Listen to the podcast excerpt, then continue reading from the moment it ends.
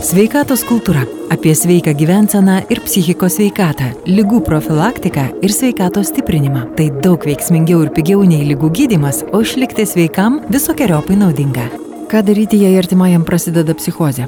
Kada taikomas priverstinis gydimas? Apie tai sveikatos kultūroje su gydytoju psichiatru Laurinu Bukelskiu. Kiekvieną savaitę radio laidos ir viktorinos aktualiausiamis temomis. Pokalbiai su gydytojais, ekspertais, sveikos gyvensenos specialistais. Ne tik informacija, bet ir prizai jums kiekvieną savaitę radio eteryje. Šiandien sveikatos kultūroje pokalbis su Vilniaus miesto psichikos sveikatos centro Umios psichiatrijos skyriaus vedėjų gydytojų psichiatru Laurinu Bukelskiu. Kalbame apie tai, kas yra psichozė, kokie jo simptomai, ką daryti, jei psichozė prasideda artimajam, kur gauti pagalbą ir kada taikomas priverstinis gydimas.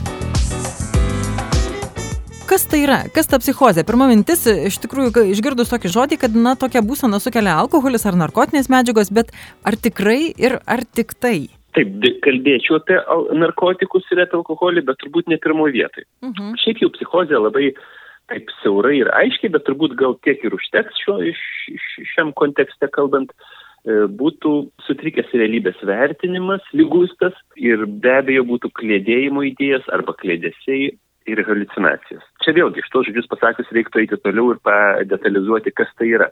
Bet sakykim taip, psichozė, aš kalbėčiau, yra sunkaus psichikos sutrikimo išraiška, kuri, va ir būtent gali būti pasireiškinti klėdėjimo idėjomis, tai yra lyguistas, netitinkančios tikrovės, nepasiduodančios ištaisimui mintis, pavyzdžiui, kad esi persekiojamas, na, anksčiau temos buvo galbūt dažniau KGB, dabar keičiasi, kad tave bando nunuodyti, kad turi ypatingų galių, kad esi Lietuvos karalius, kad, va čia neseniai girdėjau pre, prezidentą Nausėdą, išves su antrankiais ir, ir pasodins ir uždarys į psichiatrijos ligonę. Tai va, tokios lygusios idėjas, kurios tikrai yra nedekvačios, jos yra netitinkančios e, mhm. situacijos, jos, bet pirmiausia, kalbu apie, apie lygą, jos ateina iš lygos.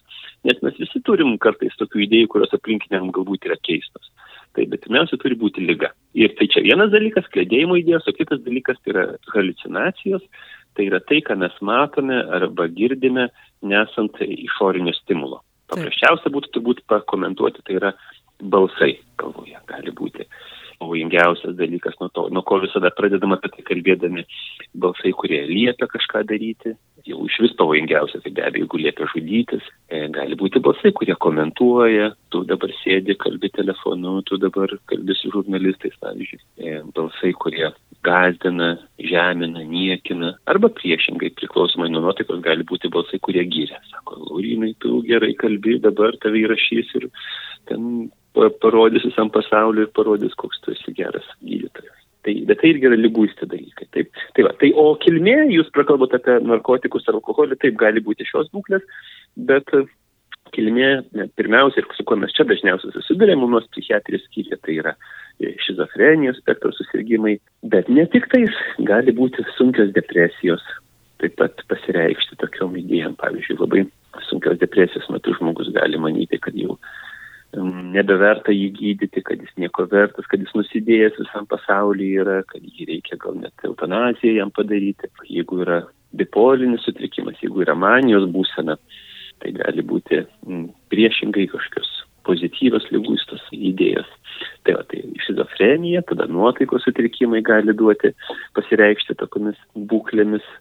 E, ir, va, ką jūs paminėjote, dabar labai labai daug pastebim būklių, kai dėl narkotikų vartojimo. Dažniau ilgalaikio, bet kartais užtenka ir, ir vieno ir kelių kartų, kai išsiprovokuoja ir pasireiškia būklės panašios į šizofreniją, mums labai sunku būna atskirti ir dideli būna ginčiai, ar tai yra šizofrenija provokuota narkotikų, ar tai yra tik tai narkotikų sukelta būklė. E, ir irgi tiesiog raiška, na, tokia pati kaip nupasako, arba dar spalvingesnė. Daugybė klėdėjimo idėjų, visiškai realybės jau nebegeba vertinti tokie žmonės.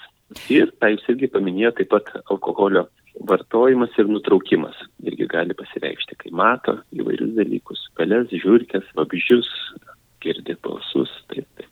Mhm. Delyrai vadinami. Ar kalbant apie narkotikus, ar yra kažkokie, e, na, kaip skirsto ar ne žmonės, kad ten sintetiniai, ar ten natūralus, ar taip toliau, ar yra skirtumas, kokios tos narkotinės medžiagos? Dabar m, bent jau mūsų praktikoje, kai mes atliekame testus ir va čia aš bekalbėdamas pasidėsiu ant stalo, tai mes randam paprastai keletą medžiagų įvairių. Retai būna, jeigu žmogus kartais sako, aš vartoju tik tai švarę marihuaną. Tai mes padarę psichoaktyvių medžiagų metabolitų likučių testą šlapime, paprastai randame keletą įvairių medžiagų, be jau įprasto THC, bet būna ir sintetiniai įvairūs e, kanabioidai. Tai negaliu sakyti, kad kažkuri viena medžiaga duos vieną kliniką, o kita duos kitą. Nes paprastai žmonės keletą vartoja. Jeigu vartoja marihuaną, tai neretas būna, kad kartu pabando ir, ne, nenori čia propaguoti, bet įvairių kitų, ar grybų, ar amfetamino, ar, ar, ar keletą įvairių medžiagų. Taip retai būtų, kad žmogus tik vieną kažkokią medžiagą labai specifinę vartotų. Bet būna tokių, aišku. Grybai, pavyzdžiui, aš tik tai grybus vartoju. Nu, gerai. Taip, bet didesnė tikimybė nėra, kad kažka, kažkuri būtent medžiaga su, sukelia, sakykime, kad žmogus, na gerai, vartoja marihuaną, bet pavyzdžiui, prarijo ten kažką, nežinau, sintetinių kažkokių tai. Na, tie įvairūs, žinot, jau čia nieko naujo nepasakysiu, ta, ta rinka yra didžiulė taip, ir jie nuolatos tobulėja ir tos sintetinės medžiagos, jis aišku, yra tikrai, na, didesnė turbūt, sakykim, taip duoda riziką. Dar blogiau negu, Bet sakykim, tos natūralesnės, ar ne? Nenorėčiau, kad mane taip suprastumėt, kad va, tą yra gerai vartoti. Ne, ne, ne, aš dėl to, ir, dėl to ir pasakiau dar mhm. blogiau. ja, ja, ja. Turbūt net nenorėčiau lyginti, apskritai už, už šviesę blaivę galvą esu, be jokių narkotikų ir nenorėčiau sakyti, kad ten vienas ar kitas gerai, o kitas jau baisiau yra.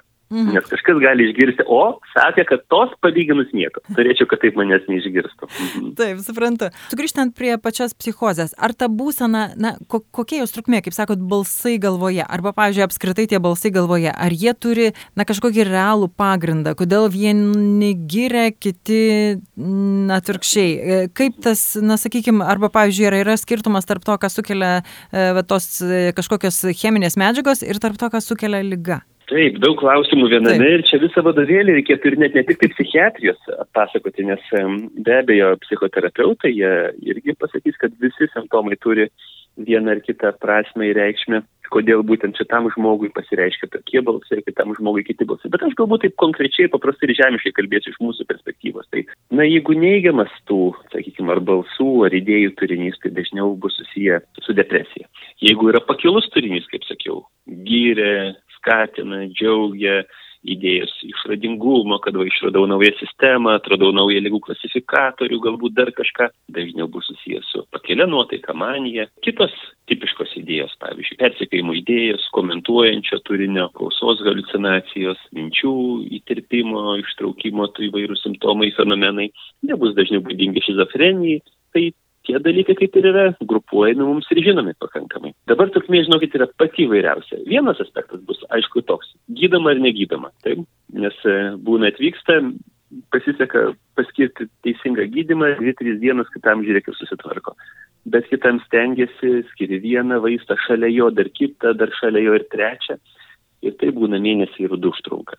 Taip, kad pasakyti čia yra neįmanoma, kad nuo tos medžiagos bus tiek arba nuo tos lygos, o nuo kitos bus e, kitiek. Kiek žmonių, tiek įvairių būklių.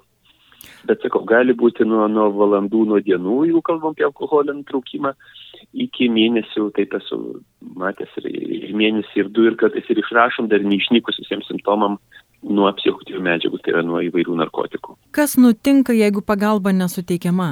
Vėlgi pačios tos įvairiausias išeitis. Nemažai, nemaža dalis žmonių ir gyvena turėdami vieną ar kitą simptomatiką, įvairių balsų, įvairių idėjų, kurios veikia jų gyvenimą. O, na ką, turbūt pati dramatiškiausia būklė, ko mes visą laiką bijom ir visą laiką klausim, mm, gydydami žmonės, ar neturi minčių ketinimų žudytis. Tai čia, aišku, yra mums pati pati grėsmingiausia būklė, kur jau nebėra natūralų kelio atgal. Visą kitą dar galima mm, kažkaip patvarkyti, pataisyti, bet čia jau dėja žmogų praradę negražinsime natūralu ir šitą mes labiausiai, labiausiai bijom. Ar apskritai pati ta būsena, kiek jinai valdoma? Ar žmogus pats gali jausti ir suprasti, kad e, prasideda, kad reikia pagalbos kreiptis, e, kad panašiai, ta prasme, kiek pats žmogus patiriantis e, psichozę gali ją valdyti? Labai įvairiai. Aišku, žmogus pradeda jausti, kad kažkas pasikeitė, aplinka pasikeitė, kažkokie dalykai vyksta aplinkui neaiškus. Dabar vieni supranta, kad tai yra lyguista, kad reikia kreiptis pagalbos, bet didelė dalis jie nesupranta. Toks pasakymas yra, kad jiems nelik kita realybė atsiveria, bet jie ją priima kaip visiškai tikrą realybę. Jos dar labiau sukrečia ir jie jiems tikresnė negu tikroji realybė. Ir jau šita dalis žmonių nebetur, nu, negaliu sakyti, kad negali savęs valdyti, bet jiems tai tampa kaip norma, ne, kad juos persiekėja, kad, kad juos tikrina, kad jų telefoną pasiklausoma, kad juos bando nunuodyti. Ir čia va kiek vietos abejoniai labai e, skiriasi, kai kurie turi kritiką, vienas e, mūsų pacientas tikrai jo tokį gražų pavyzdį, saky, taip sakydavo, kad man pasigirsta balsai ir sako, ten nesakysiu konkrečiai, kad net pažintų jo, bet eik ir kažką ten padaryk blogo, na žinau ką, bet aš tiesiog nesakysiu. Ir sako, viskas, aš tą sekundę metu kirvi ir bėgu į priimamą skyrių, nesuprantu, kad man reikia pas gydytoją, pas psichiatrą. Tai jis turi aukštą įžvalgą, taip vadinamą, arba kritiką lygai, bet dažniau žmonės tos kritikos na, neturi. Ir, ir jie lieka tame ilgesnį ar trumpesnį laiką kol kažkada arba praeina ta būklė, arba patenka į kontaktą ar su gydytoju poliklinikoje ar prieimimo skyriuje. Bet... O kiek laiko užtrunka, čia labai įvairiai. Anksčiau buvo terminų, kad e, penkeri metai, kalbant apie šizofreniją, kad vidutiniškai po penkerių metų nuo pasireiškimo lygos dabar vakarų duomenys galbūt sako vieni dviejai metai vidurkis yra negydytos psichozės, tokia trukmė čia kalbant apie šizofreniją, bet tas laikas be abejo yra ilgas, tai nėra valandos ir dienos, kad po prasidėjų pasireiškimo šių simptomų žmogus taip pat patenka į ligonę ar į polikliniką. Tai, tai, tai nėra taip greitai. Bet e, tai, kai va, ir jūs paminėjote tą pavyzdį, tai e, žmogus pats suvokia, bet iš tikrųjų kartais tai gali būti pakankamai pavojinga. Na, anksčiau, na, ta, ta, tais dar sovietiniais laikais, ar ne visiems ten buvo visokie tie priverstiniai gydymai ir panašiai. Kaip yra dabar? Ar įmanoma žmogų, kuris nesuvokia pats savo pavojingumo, gerai, jeigu tie balsai gyria, o jeigu ne, o jeigu jie liepia kažką daryti blogo, na kaip jis gali patekti pas gydytoją, pats nesuvokdamas savo būsenos ir nežinodamas, kad reikia? Dar prieš tai turbūt ta žinutė, kurią visą laiką mes norim pasakyti ir galbūt kartais pamirštam, kad tas pavojingumas kitiems jis yra gana retas dalykas. Tai pirmiausia, žmonės dėja yra pavojingi savo patiems. Arba taip, na ir savo, taip. Labai, taip, arba konkrečiais labai ūmiais veiksmais, arba lėtiniais, pavyzdžiui, nevalgymu, E, kitų apsileidimų ir nesirūpinimų. Tai, tai šitas dalykas. Dabar dėl priverstinio gydimo, jis yra Lietuvoje ir jis yra gana aiškiai reglamentuotas, jis yra visame pasaulyje, visose šalise, jis yra gana panašiai aprašytas, e, skiriasi galbūt šiek tiek kriterijai tarp e, įvairių Europos šalių, jų kalbant apie ją. Bet Lietuvoje konkrečiai kalbant, tai yra tai, kad žmogus gali būti hospitalizuotas be jo sutikimo iki trijų darbo dienų, jeigu iš jo būklės, elgesio, kitų duomenų galima manyti, kad yra pavojus jo sveikatai arba gyvybei arba kitų sveikatai arba gyvybei. Tai tokie du būtų kriterijai - psichikos sutrikimas ir pavojingumas. O kas tai nustato? Nes jeigu žmogus savo namuose, namų aplinkoje, tai mhm. gydytojo šalia nėra? Nėra, tai čia ir būtų šitie du dalykai. Pirmas dalykas, kaip sakiau, na, sakykime apie tokį konkretų pavyzdį apie šizofreniją. Taip, metai dviejai visame pasaulyje tokios trukmės yra, taip, nes niekur nėra gydytojų šalia žmogus. O kitas dalykas, na, mes negyvename ore, mes turime artimuosius, mes turime ne tik tais gydytojus psichiatrus, bet turime ir galiausiai gydytoją polikliniko, juk tie žmonės eina ir dėl gerklės skausmo, ir dėl kitų dalykų pas gydytojus į polikliniką. Yra socialiniai darbuotojai, yra daugybė įstaigų, kurios gali tą pamatyti. Bendradarbiai gali susirūpinti. Tai už tai tas ir lemia, kad, kad ta trukmė nėra tokia trumpa, kol, kol patenka į kontaktą su gydytoju. Patarimas pastebėjus kažkokį tokį, aišku, pirmiausia, tai kalbėti turbūt su žmogumi ir jam pasiūlyti tą pagalbos kreiptis. Bet jeigu ne, tada tiesiog skambinti. Taip, labai sunku žinot, nes tas hospitalizavimo momentas, kur akivaizdžiai jau matom, kad žmogus yra sutrikęs, jis yra labai labai sunkus visiems artimiesiems ir nėra vienodo šablono, šablono kaip tą padaryti. Taip, dažnai girdėsit, kad tai kvies greitai ir policija na nebūtinai taip, taip suveiks ir galiausiai labai sunku artimiesiems, vaizduokit, turit savo artimai ar, ar tėvelius, ar savo vaikus, ar kitus artimuosius ir dabar imti jiems tai gali iškviesti policiją. Tai be abejo, mes visą laiką patarimus pradedam nuo geranoriško įtikinėjimo ateiti pasikonsultuoti. Ir tai nereiškia, kad pasikonsultavus būtinai reikės gultis į ligoninę. Tas gydimas dažniausiai juk vyksta ambulatoriškai. Paskiriamas gydimas, tada žiūrimas jo efektas. Tai ligoninė yra tik tais paskutinė jau E, galbūt išeitis. Bet jeigu vis dėlto na, būklė yra tikrai sunki, jeigu, nu, pakalbėkime apie, tarkim, depresiją. Liovėsi valgyti, nebeina iš namų, nedaug dievė kalba apie savižudybę, duoda ženklus, nes yra ne tik tai kalbėjimas, taip yra ir kitokia komunikacija. Atiduodami daiktai, atsisveikinama, taip gražina viską, nusisuka į sieną, žiūri ir iš to galima jau žvelgti, kad žmogus ruošiasi žudytis. Arba, pavyzdžiui, būna dažnai irgi namuose bandė išgerti vaistų tam tikrą kiekį, tai jau repeticija kelia, pavyzdžiui, pabandė nedaug tablečių, arba ten virvę prisirišo, pasitikrino, ar jinai laiko, tai pamačius tokius ženklus, na tikrai nebėra jau ko daugiau laukti. Ir aš turbūt net ir savo timajam tikrai šitoje vietoje imčiau, kvieščiau greitąją ir, ir veščiau. Tai kai buvau praktikoje internatūrai, pas vieną chirurgą, toks medinis, kabėjo šūkis chirurgų, sako, sužeisdami gydome, latiniškai parašyta. Nežinau, ar visų chirurgų čia šūkis, bet man jis labai patiko ir mūsų darbė irgi kartais ir aš atimiesiam taip sakau, kad sužeisdami gydome. Atrodo, tą sekundę tu darai blogą veiksmą, ten žmogus kitą kartą taip nusisuka ir užpyksta, sako, tu mane atvežiai į ligoninę, tu toks ir toks ir toks. Tai sužeidė tą akimirką, bet po mėnesio išeina ir sako, ačiū va vakar pacientas sako, ačiū, kad užginčiat mano norą, ne vakar, kada čia man gal savaitėje, užginčiat mano norą išeiti iš ligonės, nes sako, būčiau nesąmonį pridaręs. Ačiū, kad atsiklaukas jisai dėkojo, kaip gerai, kad aš jo įtikinam, mes čia stengiamės ir neišleidom. Nes žmonės kartais nedekvačiai vertina tai, ko jiems reikia tuo metu. Ir kai žmogus sunkioji depresija arba psichozė dėl šizofrenijos, jis irgi tuo metu nedekvačiai vertina, ko jam reikia. Jis galvoja, kad jam reikia galbūt langus dangstyti, slėpti, išjungti telefonus, rozetės visas išardyti, o ne į ligonę važiuoti. Bet mes yra momentų, kai turim jau nebeklausyti kartais to lygos. Bet aš čia aišku kalbu apie sunkiausius atvejus. Taip, taip, taip. Nenorėčiau, kad suprastumėt, kad psichiatrų tik toks darbas ieškoti ir kurie čia neklauso ir, ir įtikinėti kviesti greitasis ir policijos. Tai tikrai tai nėra mūsų siekiamybė. Čia yra tik tais Lietkalnio viršūnė, galbūt mūsų ligonė, aš dabar pažiūrėjau kaimynų ligonį prieš porą metų statistika irgi labai panaši, apie 2, su trupučiu 2,1, 2,2 procento žmonių, kurie dėja yra gydomi priverstinai nuo visų. Mhm. Bet 97 procentai su, ir su pusė ir daugiau yra gydomi laisvo valia šiuose ligoninėse. Tas skaičius priverstinio gydimo, jisai yra iš esmės daug mažesnis net negu užsienyje. Taip, kitur daug dar greičiau ne vienuose esu buvęs stažuotėse, Ispanijoje, kitur, kur sako, mes tai nesiginčiam, nes dabar žmogus čia sako, sutiko gydytis, gal už trijų valandų nesutiks gydytis. Aš sako, per būdėjimą naktį iš karto siunčiu į teismą. Tai Lietuvoje tas priverstinio gydimo dažnis yra pakankamai mažas palyginus su daugeliu Europos šalių. Na, o pakalbėkime apie lengvesnius atvejus. Socialinius tinklus mm. ar stebit? Kaip jums ten atrodo psichikos veikata visuomenės?